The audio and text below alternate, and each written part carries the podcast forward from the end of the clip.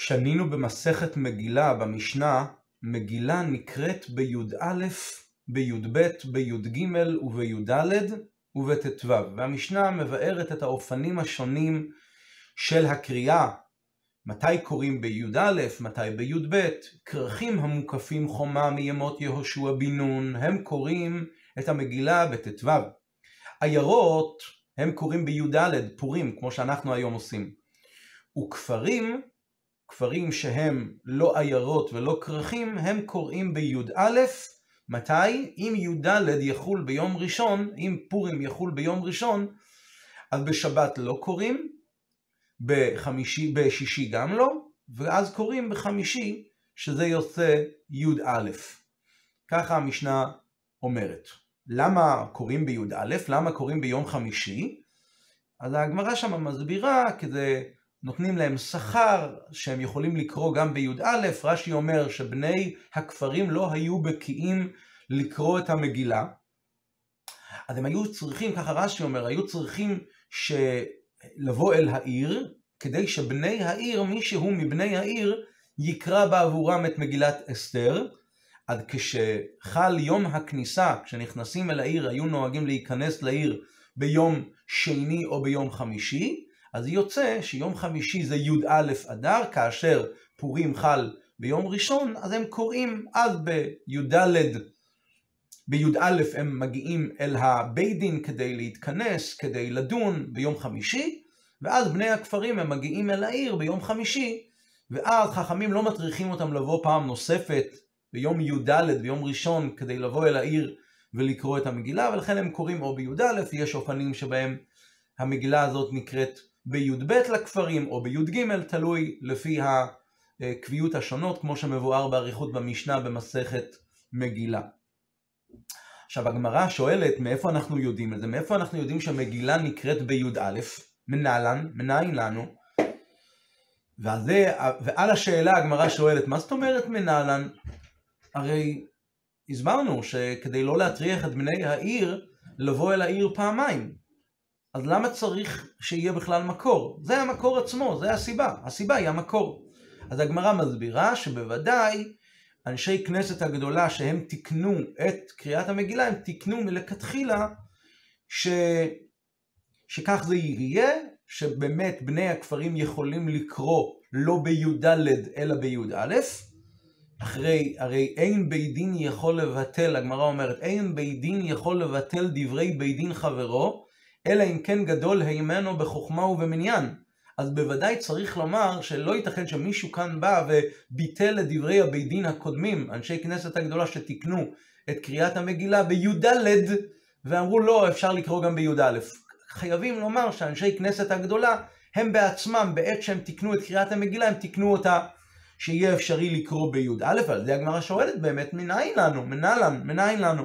ועל זה הגמרא מביאה את הפסוק, בזמניהם אה, קיימו וקיבלו היהודים עליהם ועל זרם ועל כל הנלווים עליהם להיות עושים את שני הימים האלה בזמניהם בכל שנה ושנה, אז חכמינו אומרים בזמניהם, זמנים הרבה תקנו להם, או שיש לימוד אחר מהמילה קיימים, קיימים אשר נחו בהם היהודים וכולי. בכל אופן, יוצא מהסיפור הזה שבאמת אנשי כנסת הגדולה הם תיקנו מלכתחילה שיהיה, שיהיה המצב הוא בצורה כזו שאנשי הכפרים יוכלי, יכולים, כאשר יש קביעות כזו שפורים יחול ביום ראשון, אז אנשי הכפרים יקראו ביום י"א, שזה יום חמישי, או ביום י"ב, או ביום י"ג, וכולי וכולי. נשאלת השאלה, המשנה אומרת את המילים לפי הסדר, המגילה נקראת בי"א ובי"ב ובי"ג ובי"ד ובט"ו. היה לכאורה צריך להיות, הסגנון של המשנה היה צריך להיכתב בצורה אחרת, הרי מכיוון שקריאת המגילה בי"א, י"ב וי"ג היא סוג של תקנה של רבנן, בזמנים מסוימים ולאנשים מסוימים במקומות מסוימים, אז למה המשנה מתחילה בקביעות, בקביעות של זמני קריאת המגילה בי"א? המשנה הייתה צריכה לומר, מגילה נקראת בי"ד ובט"ו, ולאחר מכן להסביר שיש מקרים יוצאי דופן שבהם המגילה נקראת גם בי"א. נכון שבאמת זה סדר הימים של החודש, י"א, י"ב, י"ג, י"ד, אבל הרי המשנה מבארת את הלכות קיום מצוות קריאת המגילה. אז היה צריך להגיד את ה... לפני הקולות שיש למצבים מסוימים ולאנשים מסוימים, צריך להגיד את עיקר המשנה, ועיקר המשנה, עיקר הזמן הוא לכאורה י"א. בפרט שאפשר גם למנות את הסדר, לפי הסדר באמת רק הפוך, מהמוק, מהמאוחר למוקדם. המשנה הייתה צריכה לכתוב ככה, מגילה נקראת בט"ו, בי"ד, בי"ג, בי"ב ובי"א, ואז המשנה באמת תסביר את האופציות השונות, וזה אגב, זה גם מה שקורה, כשהמשנה נותנת את הפתיח שלה, מגילה נקראת בי"א ובי"ב, אז המשנה מבארת את המצבים השונים, ואיך המשנה פותחת? כרכים המוקפים חומה, מימות יהושע בן נון הם קוראים בט"ו. תפרים ועיירות גדולות הם קוראים בי"ד. אחרי זה המשנה מפרשת מתי בדיוק קוראים ביום הכניסה, שזה יום חמישי י"א. אז לכאורה, ככה היה צריך להיות כתוב במשנה. מגילה נקראת בט"ו, בי"ד, וככה אנחנו היינו מבינים גם את המצב הזה. זו שאלה אחת. שאלה נוספת היא, המפרשים שואלים את זה, מפרשי המשנה, מפרשי הגמרא, למה באמת המשנה נוקטת את הלשון מגילה נקראת? לכאורה היה צריך להיות כתוב, קורין את המגילה. קורין את המגילה בי"א, בי"ב, בי"ג, בי"ד, בט"ו. למה מגילה נקראת? כאילו היא נקראת מאליה ולא שמישהו קורא אותה? וצריך להבין את זה, הרתב"א שואל את זה ועוד כמה מפרשים. נקודת הדברים היא שבסדר הזה, בי"א, בי"ב, בי"ג, המשנה באה להדגיש שאפילו שיש סיבה שניתן באמת לקרוא את המגילה בי"א, בי"ב ובי"ג, כי חכמים הקילו אה, בשביל אנשי הכפרים, כאמור לעיל, שיספקו, הרי הם, תמיד הרי הם, אנשי הכפרים היו מגיעים אל העיר הגדולה להביא מים ומזון לאחיהם שבכרכים. הגמרא אומרת שזה בגלל העניין הזה, מפני שמספקים מים ומזון לאחיהם שבכרכים, אז מביאים להם שכר ואומרים להם, אתם הגעתם כבר ביום חמישי, אתם עקרונית יכולים לקרוא ביום חמישי. אז זה לא רק קולה, זה לא רק קולה שחכמים נתנו לכפרים, אלא זוהי קריאה שהיא בגדר של קריאת המגילה. או בסגנון אחר, אפילו שהסיבה שבפועל קוראים את המגילה בי"א, זה תקנה על האדם, על הגברא, שהאנשים האלה והאלה יכולים לקרוא בי"א, בכל זאת יש כאן איזשהו פעולה גם בקריאת המגילה. קריאת המגילה בקשר לבני הכפרים היא זמן של קריאת המגילה. קריאת המגילה בזמנים האלה זה לא רק שבני הכפרים מקיימים מצווה שמוטלת עליהם, אלא מגילה נקראת, זה קיום המצווה בצורה מושלמת. כמו שאמרנו מקודם, שאנשי כנסת הגדולה בימי מרדכי ואסתר הם תיקנו את קריאת המגילה, והם הם עצמם תיקנו שיש זמניהם זמנים רבים תיקנו להם. אז זה הלשון מגילה נקראת בי"א, ולא קוראים את המגילה. קריאת המגילה בימים האלה, בי"א, בי"ב או בי"ג, זה לא רק עניין שקוראים את המגילה, נותנים לכם את האפשרות לקרוא את המגילה מצד האדם, אלא מגילה נקראת. מגילה נקראת הכוונה היא זה הזמן של הקריאה שלה. וכמו ש... כמו שאמרנו, לקיים את ימי הפורים האלה בזמניהם, זמנים הרבה תיקנו להם, זאת אומרת שהימים האלה, י"א, י"ב, י"ג, הם זמני קריאת. זה, זה לא רק שזה זמני קריאת מגילה, אלא זו קריאת מגילה ששווה לקריאת המגילה ביום י"ד לעיירות הגדולות, וביום ט"ו לכרכים המוקפים חומה.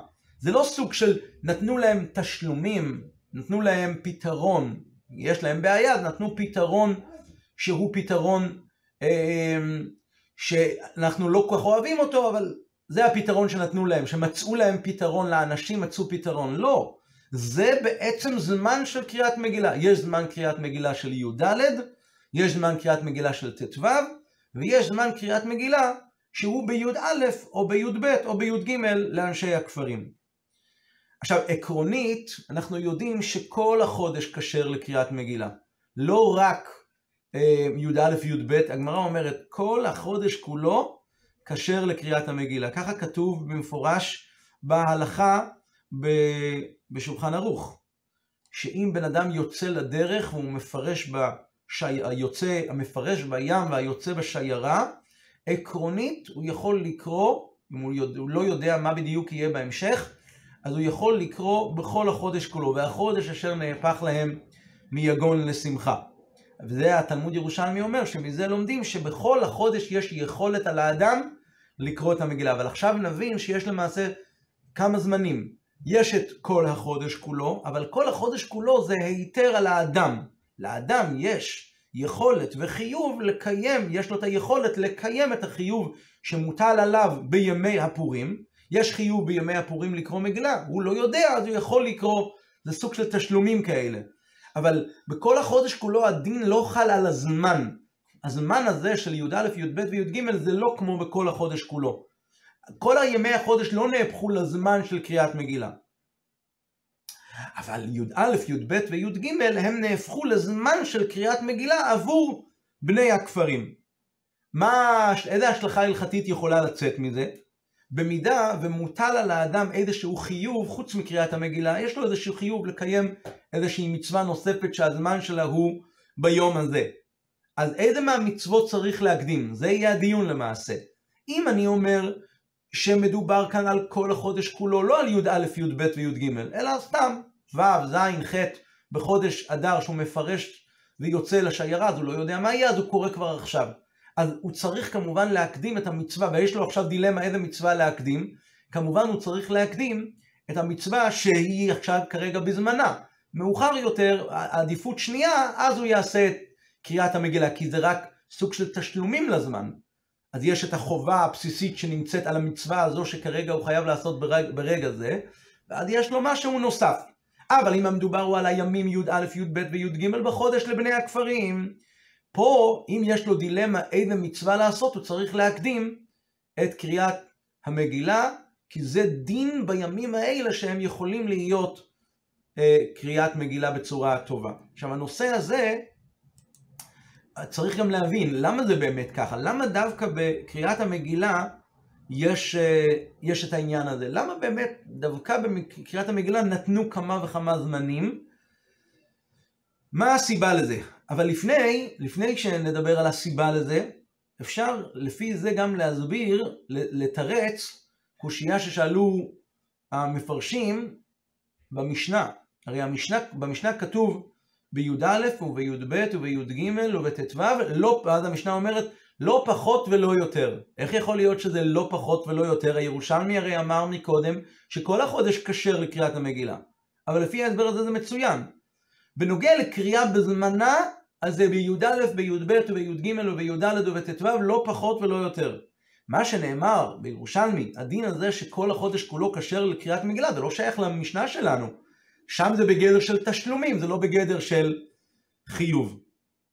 ולכן, וכאמור לעיל, זוהי הסיבה שהמשנה אומרת מגילה נקראת, זה לא סתם קריאה מצד הגברא, אלא זה זמן קריאת המגילה. מגילה נקראת ולא קוראים את המגילה. עכשיו, אגב, לפי זה יהיה גם מובן יותר טוב הקושייה של הגמרא. למה הגמרא שואלת? לכאורה, הגמרא באה ושואלת ככה. מכיוון שזה... ש... הגמרא שואלת, מה המקור לזה? מניין? ואז הגמרא שואלת, מה זאת אומרת מניין? אמרנו ש... שיש כאן סיבה. שהסיבה היא מצד שבני הכפרים מגיע להם שכר על זה שהם מגיעים בימי שני וחמישי, אז נותנים להם שכר. אז, אז הגמרא שואלת מנהלן, ואז הגמרא שואלת על השאלה. מנ... מה זאת אומרת מנהלן? זה, זה, זה ההסבר. ועכשיו אנחנו נבין את הקושייה של הגמרא, מכיוון שזה לא סתם עקירה של מה שאמרו חכמינו במגילה, שצריך לקרוא בי"ד ובט"ו, לא עוקרים את זה, אלא זה שינוי של התקנה בעצם זמן הקריאה, יש כאן זמן קריאה חדש, יש כאן עוד זמני קריאה, לפי זה מובן, מה המקור לזה? מה הסיבה לזה? לכן הגמרא מביאה את הפסוק בזמניהם שיש זמנים רבים. טוב, עכשיו אבל באמת שאלנו למה באמת זה ככה? למה באמת מצינו כזה עניין במגילה, שגם ימים שהם בעצם לא ימים מפורשים במגילה כקריאת מגילה, בכל זאת זה זמן הקריאה שלה. מה הסיבה לזה? אז הסיבה לזה היא בגלל שכל העניין של מגילת אסתר בעצם, גם הכתיבה שלה וגם הקריאה שלה, היא באותו אופן של משהו שנסתר, שמתגלה. נסביר את זה קצת. כתיבת המגילה נעשתה בצורה שונה משאר הכתובים. שאר הנביאים והכתובים, על אחת כמה וכמה חמישה חומשי תורה שנכתבו על ידי משה רבינו, הם היו מלכתחילה בציווי השם. לעומת זאת, כתיבת המגילה, מגילת אסתר, נעשתה על ידי הבקשה, היא באה על ידי הבקשה של אסתר, כמו שהגמרא אומרת, כתבוני, כתבה אסתר לחכמים, כתבוני לדורות. ואצל החכמים היה שקלא וטריא, האם כן, האם לא, הגמרא מספרת באריכות מה בדיוק היה שם אצל החכמים, ובסופו של דבר הם כתבו את מגילת אסתר ברוח הקודש. על דרך זה גם בעצם הקביעה של היום טוב, שזה גם בא בבקשת אסתר, קבעוני לדורות וכתבוני לדורות. כתבוני לדורות זה הכתיבה, וקבעוני לדורות זה לעשות קביעות של יום טוב. וגם פה היה שקלא וטריא ודיון ודילמות בין החכמים. אבל אחרי שקריאה, כתיבת, אחרי שמגילת אסתר נכתבה, אז המגילה הפכה להיות לחלק מספרי התנ"ך, מספרי הקודש. היא שווה לכל שאר ספרי התנ"ך. ואדרבה, יש לזה במידה מסוימת עוד עילוי ויתרון עוד יותר נעלה, כמו שהגמרא, אה, הרמב"ם אומר, כל ספרי הנביאים והכתובים עתידים להיבטל לימות המשיח, חוץ ממגילת אסתר. והיא קיימת, והרי היא קיימת כחמישה חומשי תורה.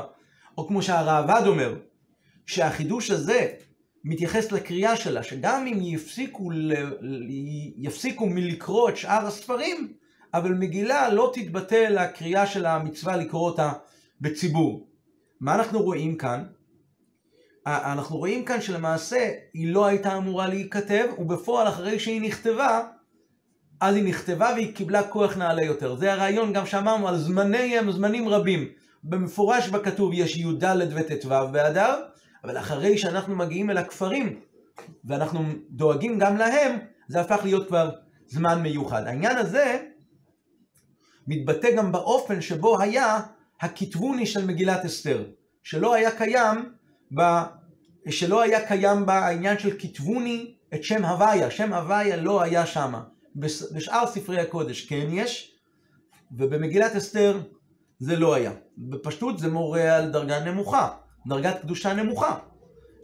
ההסבר על דרך הפשט הוא מופיע במפרשים, שלא רצו שהפרסיים, שהם הרי הולכים להעתיק אותה לשפה שלהם, אז הם יכתבו במקום שם הוויה, הם יכתבו כל מיני שמות חלילה של עבודה זרה ושל אלילות, ולכן מכבוד השם של דווקא לא יזכירו אותו, דווקא כדי לדאוג לכבוד שמיים, דאגו שלא יזכירו אותו במגילת אסתר, ומרדכי לא הזכיר אותו בעת כתיבת המגילה יחד עם החכמים.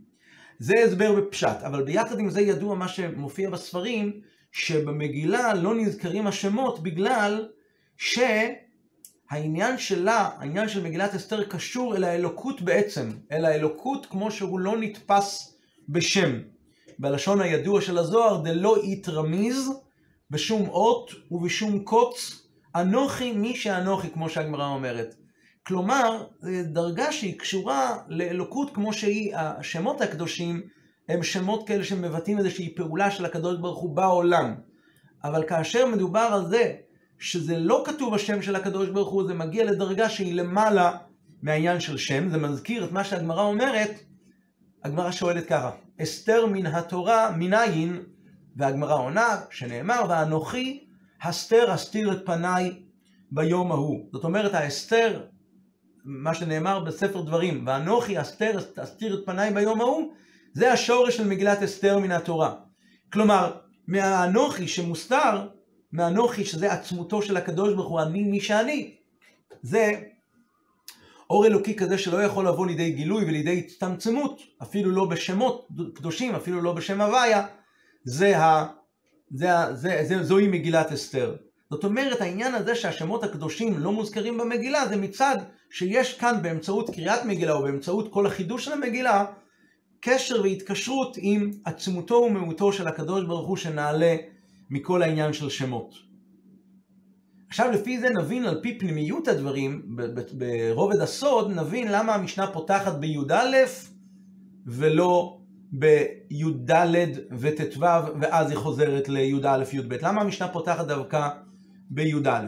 נכון, אז על פי הניגלה הסברנו שהמשנה רוצה להשמיע לנו שגם הימים האלה, י"א, י"ב וי"ג הם זמני קריאת מגילה, אבל סוף כל סוף הם אחרי הכל לא דומים לגמרי לזמנים העיקריים של י"ד וט"ו, שלרוב האנשים זה הזמן.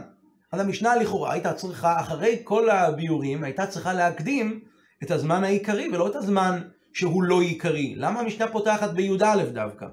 התשובה היא, כי הקריאה בי"א באדר, שזה זמן קריאת בני הכפרים, היא רומזת כאן בפנימיות לתוכן הכללי של מגילת אסתר. כלומר, אם אנחנו נתבונן עמוק באנשי הכפרים שקוראים בי"א, נגלה כאן סוד נסתר שקשור לכל התוכן הכללי של מגילת אסתר. ובשביל להבין את זה, הבה ונתבונן בשלושת החלוקות האלה של קריאת המגילה, כרכים, עיירות מוקפים, עיירות שאינם מוקפים חומה, עיירות גדולות וכפרים. בפנימיות הדברים זה רומז לכמה וכמה עניינים שקשורים למגילה וכמה עניינים בדר... ודרגות בעבודת השם. בקיצור, ממש בקיצור, כרך מוקף חומה, זאת אומרת מקום שהוא מוגן ברוחניות. אין צר ואויב, אי אפשר להיכנס לשם. עיר, עיר מושב, זה בן אדם שהוא בעצם עובד ועושה עבודה לשבטו יתברך פה על ידי שהוא בן העיר. הוא אמנם לא צריך לחרוש ולזרוע ולקצור, הוא לא צריך להמתין עד שהשדה תצמיח את כל החיטים, אבל הוא צריך לקחת את ענייני העולם, את הדברים שקיימים בעולם, ולעשות מהם דברים שכבר מוכנים. הוא בן עיר אחרי הכל, הוא לא בן כפר. הוא צריך לעשות מהם עיר, דירה, דירה לבית, לקדוש ברוך הוא. כפר, כפר זה אנשים שהם צריכים לחרוש ולזרוע ולקצור. זאת אומרת, צריכים לעשות כאן איזושהי חרישה ועבודה פנימית בהיעלם שקיים בעולם כדי לאפשר בעולם, באדמה, לאפשר בה זריעה. בלשון החסידות זה מבטא על שלושה, שלושת העולמות. כרך רומז על עולם הבריאה, שם בעולם הבריאה האלוקות היא בכל כך בגילוי שעבודת השרפים, השרפים שעומדים שם בעולם הבריאה נשרפים מעוצמת הקדושה שיש בעולם הבריאה.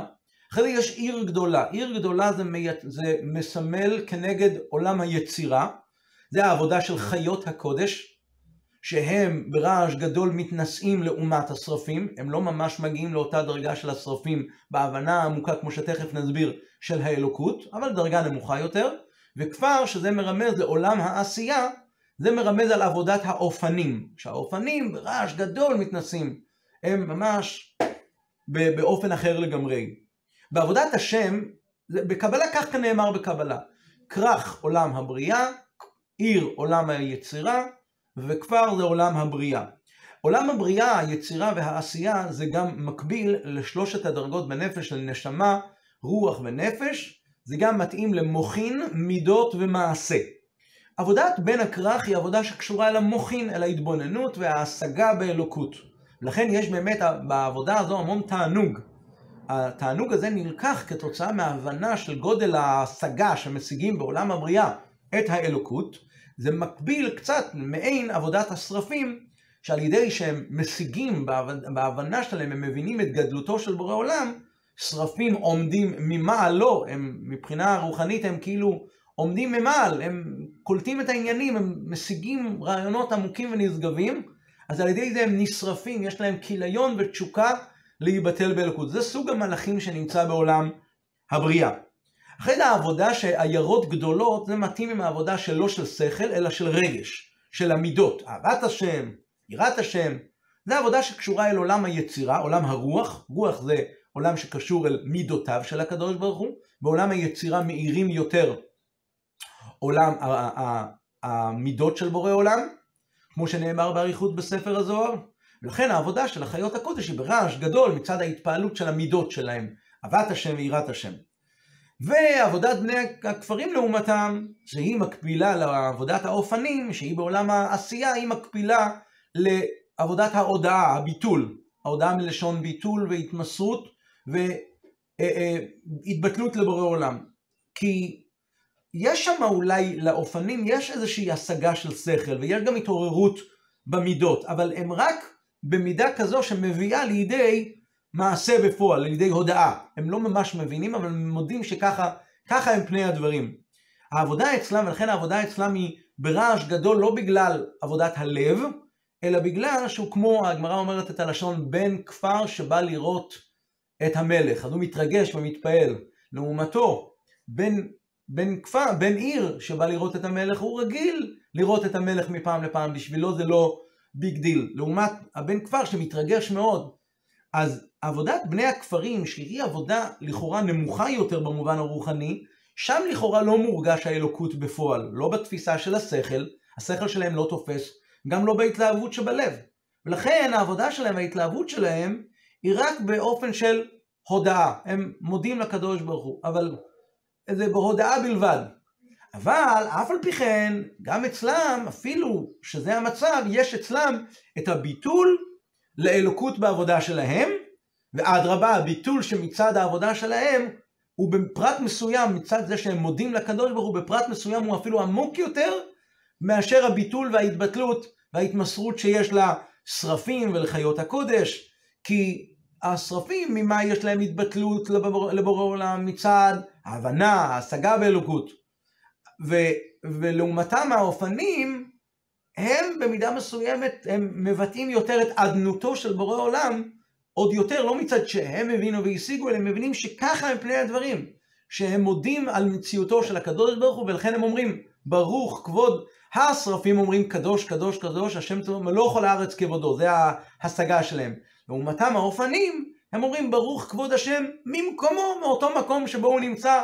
אנחנו לא יודעים, אין לנו את ההשגה המלאה מאיפה זה. זה נעשה על ידי השגת האופנים. בני הכפרים, זה העבודה שלהם. עכשיו נבין למה המשנה פותחת, מגילה נקראת בי"א. לרמז לנו על קריאתם, קריאת המגילה של בני הכפרים. שמכיוון שבקריאה הזו מרומז כל כללות עניין המגילה. מה זה המגילת אסתר? שזה בחיצוניות, מה זה נראה? אסתר. יש כאן העלם, יש כאן אסתר, לא רואים גילוי אלוקות. עולם העשייה, אתה לא רואה את האלוקות בצורה ברורה. ובכל זאת, יש פה את העצם, העצמותו של בורא עולם, אנוכי מי שאנוכי, ואנוכי אסתר אסתיר פניי במאמור. מגילת אסתר מגלים את ה... אסתר את ההסתתרות הזו, הנעלית הזו, המיוחדת הזו, זה נמשך דווקא, ההתגלות הזו של עצמותו של הקדוש ברוך הוא, זה נמשך דווקא על ידי הביטול וההתבטלות, שזה עבודת האופנים, בני הכפרים. עכשיו, לפי הרעיון הזה נבין גם את הקשר לשבת שמברכת את פורים, שבת פרשת תצווה. פרשת תצווה היא הפרשה היחידה בתורה מאז שמשה רבינו נולד, שמשה רבינו לא נזכר במגילת אסתר, בתורה. פרשת תצווה לא מופיע משה רבינו. וחכמינו מסבירים שהסיבה לזה היא בגלל, שהסיבה לזה היא בגלל שמשה רבינו אמר מחני נא מספרך אשר כתבת, אם אתה לא סולח לבני ישראל על חטא העגל, תמחוק אותי מהספר הזה, וקללת צדיק אפילו שזה היה על תנאי, היא צריכה לבוא בשלב מסוים, ולכן שמו נמחק מפרשת תצווה. אז ההשקפה הראשונה זה העובדה שלא נזכר שמו של משה רבינו, זה עניין שלילי. אבל הרי אנחנו יודעים שאפילו בגנות בהמה טמאה לא דיבר הכתוב, על אחת כמה וכמה על משה רבינו. או העניין הזה שמשה רבינו לא נזכר זה דבר שהוא שלילי. אנחנו יודעים שכל דבר בתורה הוא חיובי. איפה החיוביות שבזה? אז אנחנו מסתכלים בפרשה ואנחנו רואים את זה מיד. משה רבינו באמת לא נזכר. אבל כל הפרשה כולה, איך היא נקראת? תצווה. מה זה תצווה? אתה תצווה, משה רבינו. צדיקים הרי הם דומים לבוראם. אז כמו שהקדוש ברוך הוא, שיש את השמות הקדושים שלו, שזה אה, אה, שמות שקשורים לאור אלוקי שיכול לבוא לידי גילוי, ויש את עצמותו ומהותו של בורא עולם, שהוא נעלה מהשמות. אנוכי, אותו דבר צדיקים שהם דומים לבוראם, גם יש את זה, משה רבינו גם. אז העובדה שמשה רבינו לא נזכר פה, השם של משה לא נזכר, אבל עצמותו של משה רבינו, כן נזכר, לכן בכל הפרשה מופיע את הביטוי אתה תצווה ואתה תצווה, וגם ואתה תצווה את בני ישראל, אתה תגרום צוותא וחיבור של בני ישראל, אפילו של אותם אלה שעשו את העגל שעבורם משה רבינו אומר מכני נא, גם, גם הוא עושה איתם צוותא וחיבור עם בורא עולם. לפי הרעיון הזה אפשר גם להבין את הקשר בין פרשת תצווה, מגילה נקראת בי"א, ופרשת זכור, והשנה יש לזה את הקביעות בצורה הזו.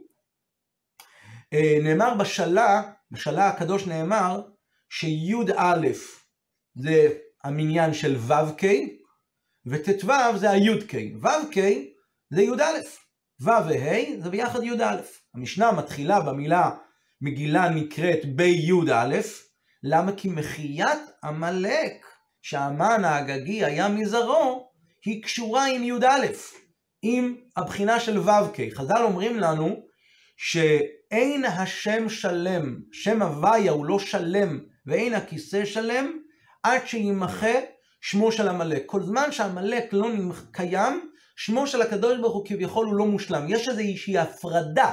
הוא מלק את ראשו, עמלק גורם לפירוד בין הי"ק של שם הוויה לו"ק של שם הוויה. בעיקר עמלק מנגד לו"ק של שם הוויה, ו"ק זה להוריד את הדברים כמו שהם למעשה בפועל. כמו שמבואר באריכות בקבלה, י"ק זה קשור אל ההתבוננות, י' זה חוכמה, ה' זה בינה, וו' וה' זה המידות, כמו שהם קשורים אל הה' האחרונה, מלכות, להוריד את הדברים לעשייה. עמלק, הוא רוצה להגיד, לעשות הפרדה בין ההבנה וההשגה לבין העשייה בפועל. יודע את ריבונו ומכוון למרוד בו, שהכוונה היא שהידיעה וההרגשה שבלב, י"ק, לא תשפיע על המחשבות, על הדיבורים, על המעשים, שזה הו"ק.